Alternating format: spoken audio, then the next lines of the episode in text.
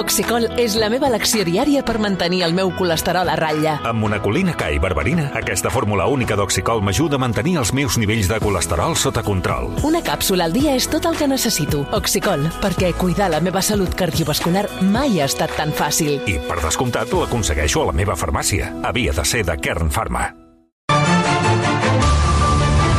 Pràcticament un quart de sis de la tarda, d'aquí una estona, us ho explicàvem al principi del programa, tenim aquí muntat ja, Marta, l'escalèstric amb tota la pista. Espectacular, és espectacular. Increïble, eh? Jo tinc ganes de veure-us competir, sí, sí, eh? no, no, farem unes bones carreres d'escalèstric que celebrant l'aniversari de la marca amb un desplegament que podreu seguir a través de l'Instagram Live del programa. Però ara, una persona que no sé si juga o no a l'escalèstric, que és el Santiago Niño Becerra, director en Economia i catedràtic emèrit de la Universitat Ramon Llull. Professor, bona tarda. Què tal? Bona tarda. Mm, li, li volia preguntar per l'escalèstric, si vostè és o era aficionat.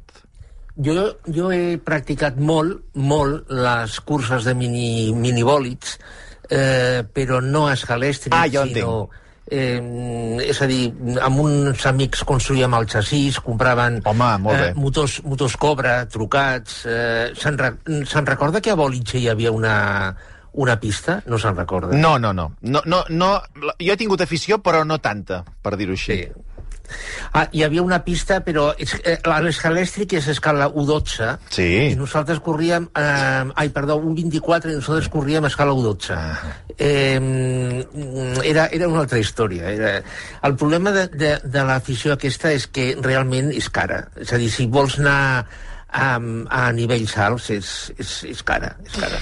Bé, potser, li pregunto, perquè potser hi haurà gent que es voldrà comprar doncs, un escalèstric o uns cotxes escalèstric, que en parlarem al Black Friday. Oh, tant. Atenció amb el que explicarem ara amb el, amb el Santiago Niño Becerra, tot i que el 90% dels comerços electrònics estan fent ofertes pel, pel Black Friday, aquest any tots els indicadors preveuen que hi haurà menys compres per la crisi econòmica.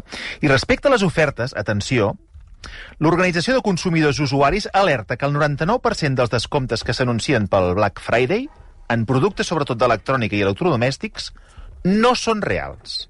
L'OCU ha seguit de prop els preus de milers d'aquests productes des del 19 d'octubre i ha comprovat que el descompte mitjà del 25% no només no és una rebaixa, respecte al preu mínim amb què s'havien venut dies enrere, sinó que en molts casos supera i suposa un encariment del 3%. És a dir, que quan anem a buscar el Black Friday, potser no només no ho estem pagant més barat, sinó que ho estem pagant més car. La pregunta és, ens prenen el pèl, professor? Bueno, mm, a veure, eh, jo suposo que aquest estudi eh, s'ha fet eh, agafant una mostra realment significativa, perquè tots aquests estudis, el truco està en, en agafar la mostra que sigui representativa. Per això hi ha uns mètodes estadístics que mm, bueno, són complexes, etc etc. Bueno, si aquest estudi eh, s'ha fet bé, pues, mm, les conclusions són aquestes. El que passa és que, mm, clar, aquest estudi estarà referenciat a una mostra de territori. Eh, mm, clar, jo no sé fins a quin punt serà extrapolable a Galícia o a Extremadura. Mm, No, no ho sé. El que sí que podem dir és que abans d'una jornada tan important pel comerç com aquesta, el president executiu d'Amazon, Jeff Bezos, recomanés no comprar televisors, frigorífics o cotxes. Ho va justificar perquè estem a les portes d'una recessió. No sé si això li sembla més adequat. Bueno, jo crec, jo crec que el que ha fet el senyor Bezos amb, aquest, eh, bueno, amb aquestes paraules ha sigut molt intel·ligent. És a dir, el missatge és, eh, venen moments complicats, eh, Amazon no vol que vostè gasti els diners per gastar. Eh, és a dir, pensi si necessita o no necessita un, un producte. Jo crec que ha sigut molt intel·ligent. Mm, Això que li pot fer baixar les ventes, no sé, m'ho invento, un 2, un 3% és possible. Però mm, jo crec que eh, ha transmet una, un missatge de confiança mm, molt intel·ligent. Ja tenim el que ens preguntava abans, que és la mostra d'aquesta d'aquesta enquesta de l'OCU. Sí, el que ha fet la OCU és eh, fer el seguiment de 16.000 preus online de productes d'electrònica i electrodomèstics. I ha fet aquest seguiment des del 19 d'octubre i fins ara. I d'aquesta manera ha pogut comprovar si els preus que ara s'oferten realment suposen una rebaixa respecte als preus d'abans del, del 19 d'octubre. Jo li pregunto, vostè s'aniria a comprar un cotxe d'aquests que ens deia, de petitons, eh? Aquests d'escalèstric, ara pel Black Friday, o no? O m'espero? A veure, és que jo, jo penso que les coses s'han de comprar quan es necessiten. És a dir, si vostè necessita un cotxe d'escalèstric o una eina per, perquè vostè practica l'escalèstric, mm. ara, mm, compri-la ara. Si la, la necessita al febrer, compri al febrer. És a dir, comprar, comprar per comprar jo crec que és un error. Clar, però és que aquesta és la gràcia del Black Friday. És No, a dir, no? bueno, sí, de, de no. crear-nos una necessitat a, a, te, teòricament amb un preu més baix. Sí, però a veure, si repassem els orígens del Black Friday, el Black Friday va néixer eh, per treure's de sobre, va néixer als Estats Units, evidentment, per, per treure's de sobre unes empreses que crec que de Filadèlfia una sèrie d'estocs que tenien. Eh, és a dir, l'origen és aquest. No, no és el mateix baixar preus eh, o mm, baixar-los realment per treure's de, de, de sobre una, un, un estoc eh, que possiblement demà mm, o demà passat ja, ja estarà obsolet que no comprar per comprar. Mm, Jo, jo sempre he defensat que s'ha de comprar quan es necessita alguna cosa, no comprar per comprar-ho per comprar-ho. Ara que estem en aquest context, si jo, per exemple, tinc, eh, vull destinar 1.500 euros a comprar-me una pantalla nova per acabar de veure el Mundial eh, o qualsevol altra cosa amb qualitat, vostè em recomana que me'ls gasti perquè trobo una oferta o me'ls quedo, me'ls guardo? Sí, però una altra vegada, vostè necessita ara una pantalla nova? No, ara no. Bueno, doncs no la compri. Vull dir, és, que és, és que és tan fàcil com això. Clar. Vull dir, és que és tan fàcil com això. Ja, però hi ha un preu que m'agrada, professor. Escolti'm, en lloc de 1.700 són 1.500. Sí, però to torno a dir, vostè la pantalla que té ara mm. l- l- està feta malbé? No, no, em va perfecte. A més, m'agrada molt. Llavors, eh, escolti, eh, vull dir, bueno, jo tinc aquesta teoria. Sí, sí, sí, sí. Li, li pregunto expressament perquè... Jo, jo torno a dir, s'ha de comprar una cosa si es necessita. Si trobes, si trobes per exemple, un descompte per, mm, per Black Friday o bé eh, al febrer hi ha botigues que fan descomptes especials i tal, doncs fantàstic, si et concedeix, eh, fantàstic, però, però si no, vull dir, escolti, no, no sé, al marge de que Bueno, la OCU és una organització mm, seriosa, és a dir, jo crec que aquest estudi, si més no, té una credibilitat. Mm, llavors, eh, no sé, si sumem les dues coses, Els Estats Units parlen d'un Black Friday, que serà un malson pels comerços. Els consumidors s'estan gastant més per culpa de la inflació, però les cistelles, doncs, evidentment, cada cop estan més buides. Això ja es va veure l'octubre perquè les vendes de detallistes als Estats Units es van incrementar un 1,3%, però no va ser pel creixement de les comandes, sinó per la pujada dels preus. La pregunta és, a les portes d'una recessió, què passa si la gent comença a reduir les compres? Bueno, és que, és que aquí està. A veure, mm, mm, sempre, o, o pràcticament sempre, eh, es fan aquest tipus d'estudis des del punt de vista de l'oferta, és a dir, de les botigues, de les plataformes d'internet que venen coses, eh, etc etc. Però mm, molt poques vegades es fa des del punt de vista de la demanda, dels, és a dir, dels consumidors.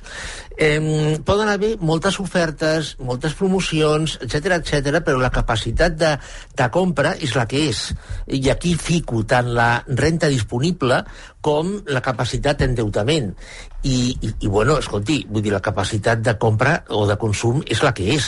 Eh, lla- llavors, si, eh, i sobretot als Estats Units, eh, s'han fet, eh, s'ha fet un consum bastant considerable durant la, la, la primavera i a l'estiu, mm, a, a veure, mm, la capacitat és la que, és la que hi ha. Mm, Si a la vegada eh, eh, les expectatives econòmiques no són bones, bueno, pues, evidentment mm, l- les persones mm, s'ho repensen.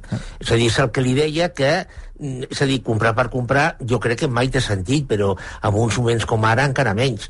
Llavors vostè, vostè pregunta, i la pregunta té, té molt de sentit, bueno, però mm, si, si ara estem a les portes d'un empitjorament econòmic, eh, eh, si, si, si, si el consum augmenta, això revifarà, sí, però, mm, escolti, això s'ha de pagar. Miri, co- comprar, comprar amb, eh, amb deute, mm, eh, perquè la renta, pues, eh, fin, comprar en deute, eh, en el fons és tassa de la avançant renta, és a dir, si, si, si mm, una persona compra alguna i ho paga eh, per pagar a termini eh, i per disfrutar, evidentment, és com si la renta de demà, o una part de la renta de demà, anés al futur, l'agafés, la portés al, fut al present i pagués amb això. Ja. Però, però llavors, quan arribi al futur, ho tindrà de tornar. Oh, clar. Ll- Llavors, si les expectatives no són bones, aquesta, aquest mm, en, eh, endeutament que es fa ara tindrà conseqüències negatives. És a dir, serà, serà un, un mirall, serà un... un, un no, no, no tindrà una, una, mm, una, una continuïtat. Per tant, pot ser que realment parlem d'un Black Friday negre, o com a mínim no tan clar com, com es plantejava abans. Sí, jo, jo, jo, crec, jo crec que no. Jo crec que tindrà, jo crec que tindrà més encara... Um, és a dir, mm, més que el que passa aquí a Espanya, eh, es tindrà de veure què passa en, en altres indrets eh, d'Europa. Perquè als Estats Units, a veure, sí, però els Estats Units tenen una filosofia diferent, eh, eh, eh, és a dir, tenen un altre, estan en un altre moment del cicle. És a dir, què passa a Alemanya, què passa a França, què passa al Regne Unit, eh, què passa als, als Països Baixos. Eh, eh, llavors, es, es, podrà, es, es, ens podrem fer una composició d'allò de com està l'economia a Europa. Per cert, hi ha una qüestió molt interessant, eh, que parlem d'estudis, relacionada amb un estudi de la consultora Nielsen, que clar, ara tothom diu, no, clar, perquè tot, tot és online, tot és electrònic, les botigues ja poden anar tancant, però és que m'ha cridat molt l'atenció un estudi que s'ha presentat aquesta setmana que diu que malgrat que el 92% dels consumidors ha fet alguna compra online els darrers 3 mesos, les compres presencials predominaran de cara a la propera campanya nadalenca. De fet, aquest estudi augura que en el futur comprarem comprarem més a través de les xarxes socials, pagarem més a terminis i tornarà la botiga física. Què li sembla? Bueno, pagarem a terminis si tenim capacitat d'endeutament. A- Això per una banda. La, de cara a Nadal, la botiga física, pues sí, perquè la botiga física és a dir, té, té el gran avantatge de que pots tocar les coses. Eh, I, per altra banda, al, al Nadal, la població, les persones pues, volen sortir i, i veure les llums de Nadal i, i tot això. El que, el que mm, diferents estudis apunten és a que en el futur eh, hi ha, hi ha, hi ha eh, eh, cadenes que ja tenen plans en aquest sentit, Inditex és una, per exemple, el que volen és que moltes botigues siguin llocs per recollir eh, els, les comandes que fas per, eh, a la plataforma Ah. online. Eh, I que hi hagi una mena, una, una mena de, de, de catàleg, de catàleg eh, de mostruari a la, a la botiga, però que, em torno a dir, eh, bàsicament la compra es faci online i el, el, la botiga sigui el lloc on es reculli el, eh, el, el, el producte. És a dir, que no t'ho porten a Em, casa. Tu compres online i vas a la mateixa botiga on has comprat i ho reculls allà. Bueno, mm, mm, hi haurà diferents possibilitats, però, per, exemple, ara, ara per ara, almenys Que això ja es pot fer, estan també. venent, Mm. Sí, ja, però vull dir, ara per ara, el, i torno a dir, almenys així ho, ho venen, eh, el, el transport és gratuït. Eh, és a dir, eh, en la majoria dels casos, no, no parlo d'alguna cosa que portin de Canadà, eh, aquí, aquí no entro, però eh, la, la, mm, el que es compra al territori eh, el transport és gratuït. Mm, Jo crec que això deixarà de ser-ho. De la mateixa manera que les devolucions hi ha plataformes que ja estan començant a, a cobrar per, per, eh, per mm, tornar productes. Eh, sobretot penso en temes de roba, per exemple. Ja. No? Eh, és a dir, ll- llavors, la, la botiga, mm, com a, com a lloc per, per eh, tornar o recollir, pot ser un, un lloc intermig. És a dir, que vostès imaginen un futur pagant la devolució i pagant el transport. Mm, o, o, o si, sí, o, o bé anar a la botiga a buscar el, el, el producte. Per estalviar-nos eh, l'enviament. La, la, la gran avantatge que té la compra online, jo crec que no és el preu. Sota el meu punt de vista. Home, eh, ara no sí que m'ha sorprès. Molt menys. És el catàleg. Ja. És el catàleg. És a dir, També. vostè entra en una plataforma, és igual la que sigui, mm. i busca qualsevol producte, és a dir, eines de sardineria, i té un catàleg que és brutal, immens. No hi ha cap botiga física que tingui aquest catàleg.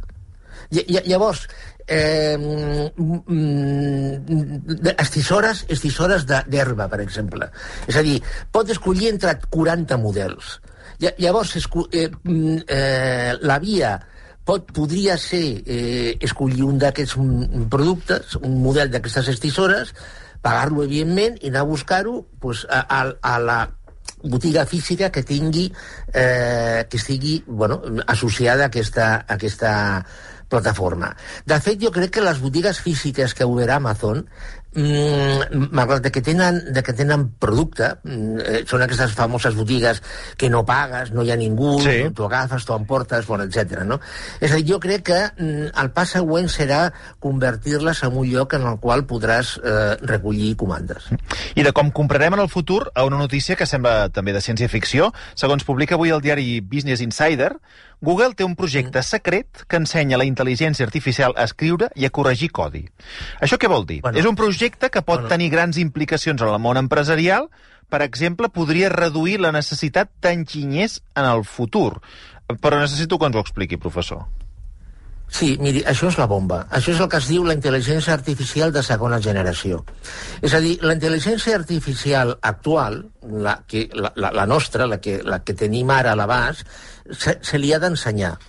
És cert, és cert que se li ha d'ensenyar durant un temps i després eh, ella té una capacitat d'aprenentatge eh, i a més té capacitat d'aprenentatge amb l'error, és a dir, que és conscient quan s'equivoca eh, llavors es corregeix, però, però primer se li ha d'ensenyar.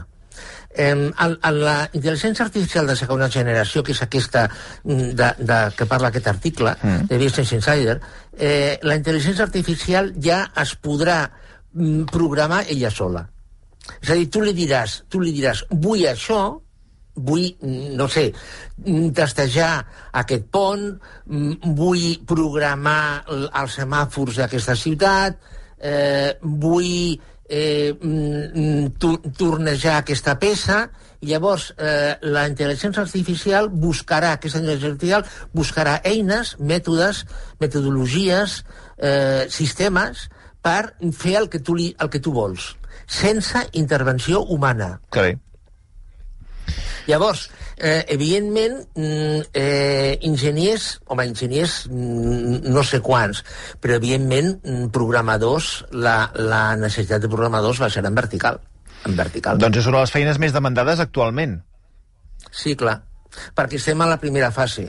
I, I llavors jo precisament aquesta notícia l'he he comentat amb un, amb un enginyer de telecomunicacions i m'ha comentat, sí, bueno, clar, i aquesta és la, la intel·ligència artificial de segona generació, però clar, vindrà la de tercera generació i la de quarta, és a dir, que d'alguna forma, ell, ell, són paraules seves, eh, que hi haurà un moment en què una intel·ligència artificial dissenyarà una altra intel·ligència artificial. Imagina't. Això sí que si hagués el senyor Marcelí aquí diria almes de metal, eh? En fi, canviem d'història, anem a les hipoteques. A veure, els que també estan patint des d'un punt de vista econòmic són les famílies amb pocs ingressos que estan pagant una hipoteca. Per pal·liar aquestes dificultats econòmiques, el govern espanyol ha aprovat noves mesures que beneficiaran un milió de llars.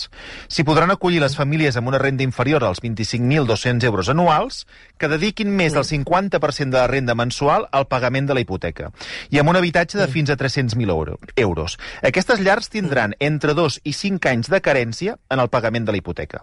Durant aquest temps només pagaran els interessos interessos a un Euribor reduït i podran allargar el termini total de la hipoteca fins a 7 anys més. La pregunta és, què li semblen aquestes mesures?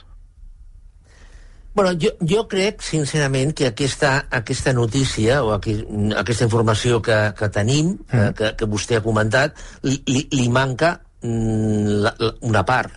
E, e, és a dir, a veure, això eh, per, les, per als bancs les entitats financeres que recordem que són societats anònimes, és a dir, no, no és Banc de Santander, és Banc de Santander com a SA, societat anònima.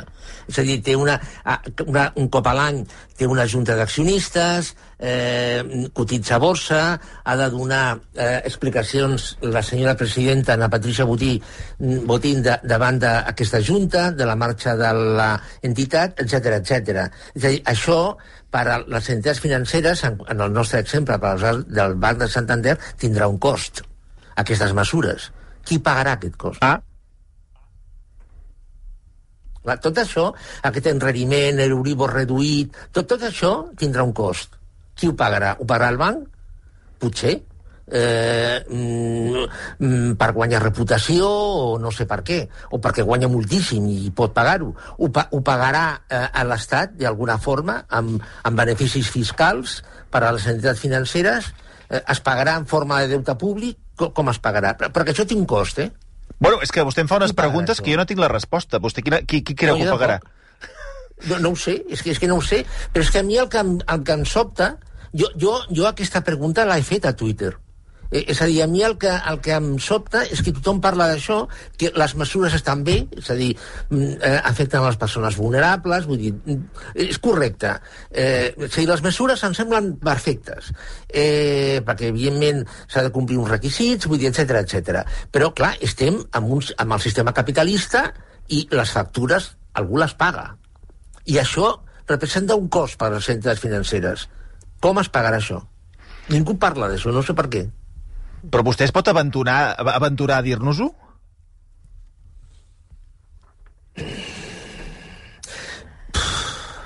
Això, una forma de pagar-ho, mm, podria ser que part ho assumís el banc, és a dir, que eh, eh, algú digués a les entitats financeres mira, esteu guanyant la mont de l'ironda, esteu guanyant la tira, eh, des de l'any 2008 teniu la reputació mm, tocadeta, mm, és a dir, mm, eh, home, un, una mica del cost ho podeu assumir i, i llavors, per altra banda, a, a l'Estat mm, donar certs beneficis Sí, un, un copagament entre bancs i Estat. Sí. Jo crec que aquesta podria ser una Però vostè sortida. creu que els bancs, que no valen mai pagar res, eh, si no els obligues amb un decret o el que sigui, no sé, vaja, no, no sé, no sé si els hi farà molta Sí, il·lusió. Bueno, però, a veure, te- tenen, tenen eh, la reputació tocada, eh? Vostè faci una enquesta de vagi pel carrer... Sí, i sí. pregunti, Bueno, pues, eh, això, això, seria, això seria realment, eh, per la seva imatge, seria positiu, eh? Però aquí hi ha una altra- Que amb el, amb, Digui, digui. No, que massa que amb l'increment, amb, amb el darrer... Primer aquí està el rescat, i en segon, de, i en segon lloc que amb, aquests, eh, amb aquest increment de tipus, vull dir, els beneficis de la banca han- s'han incrementat, eh? Però escolti'm una cosa, o sigui, ara estem parlant de com s'haurà de pagar tot un seguit d'ajudes eh, de gent que li costa pagar, no pot pagar l'hipoteca. Però la situació actual, Sí. que vostè ja fa temps que ens en parla, jo l'escolto atentament, és a dir, aquesta situació no s'ha pogut preveure? No s'ha pogut pensar que això acabarà passant? Que hi haurà gent que li serà impossible pagar la hipoteca? Bueno, aquesta és una altra pregunta que jo plantejava a Twitter. És a dir, a l'any 2008, eh, 2007, 2008, 2009, mm, van, van, mm, mm, ens van quedar tots bocabadats perquè hi havia gent amb, uns, amb unes deutes hipotecàries monstruoses que algú li havia concedit. Eh, eh, és a dir, i, i van sortir les preguntes. Però com és possible que aquestes persones, amb, amb, el, amb el salari que tenien i amb les condicions que tenien, els, els hi donguessin aquests, eh, aquests crèdits? Com és possible que les persones, les famílies, eh, moltes famílies, no, no mm, es preguntessin si serien capaços de tornar aquests crèdits, etc etc etc. Això 2007, 2008, 9. Eh, mm, I ara, d'alguna forma, hem, hem, eh, hem tornat, no, no totalment, eh, però hem tornat a caure una altra vegada en una cosa semblant. És a dir, aquestes ajudes, en part, són, mm, eh, és veritat que són per persones que mm, han perdut la feina, vull dir, mm, eh, han tingut una, una, una davallada d'ingressos, etc etc. Però altres persones és perquè algú els ha donat el crèdit, eh, un crèdit. És a dir, que aquestes persones l'han demanat eh, no, no, no sé si han, han previst o no que podien tenir problemes, però mm, algú els hi ha donat.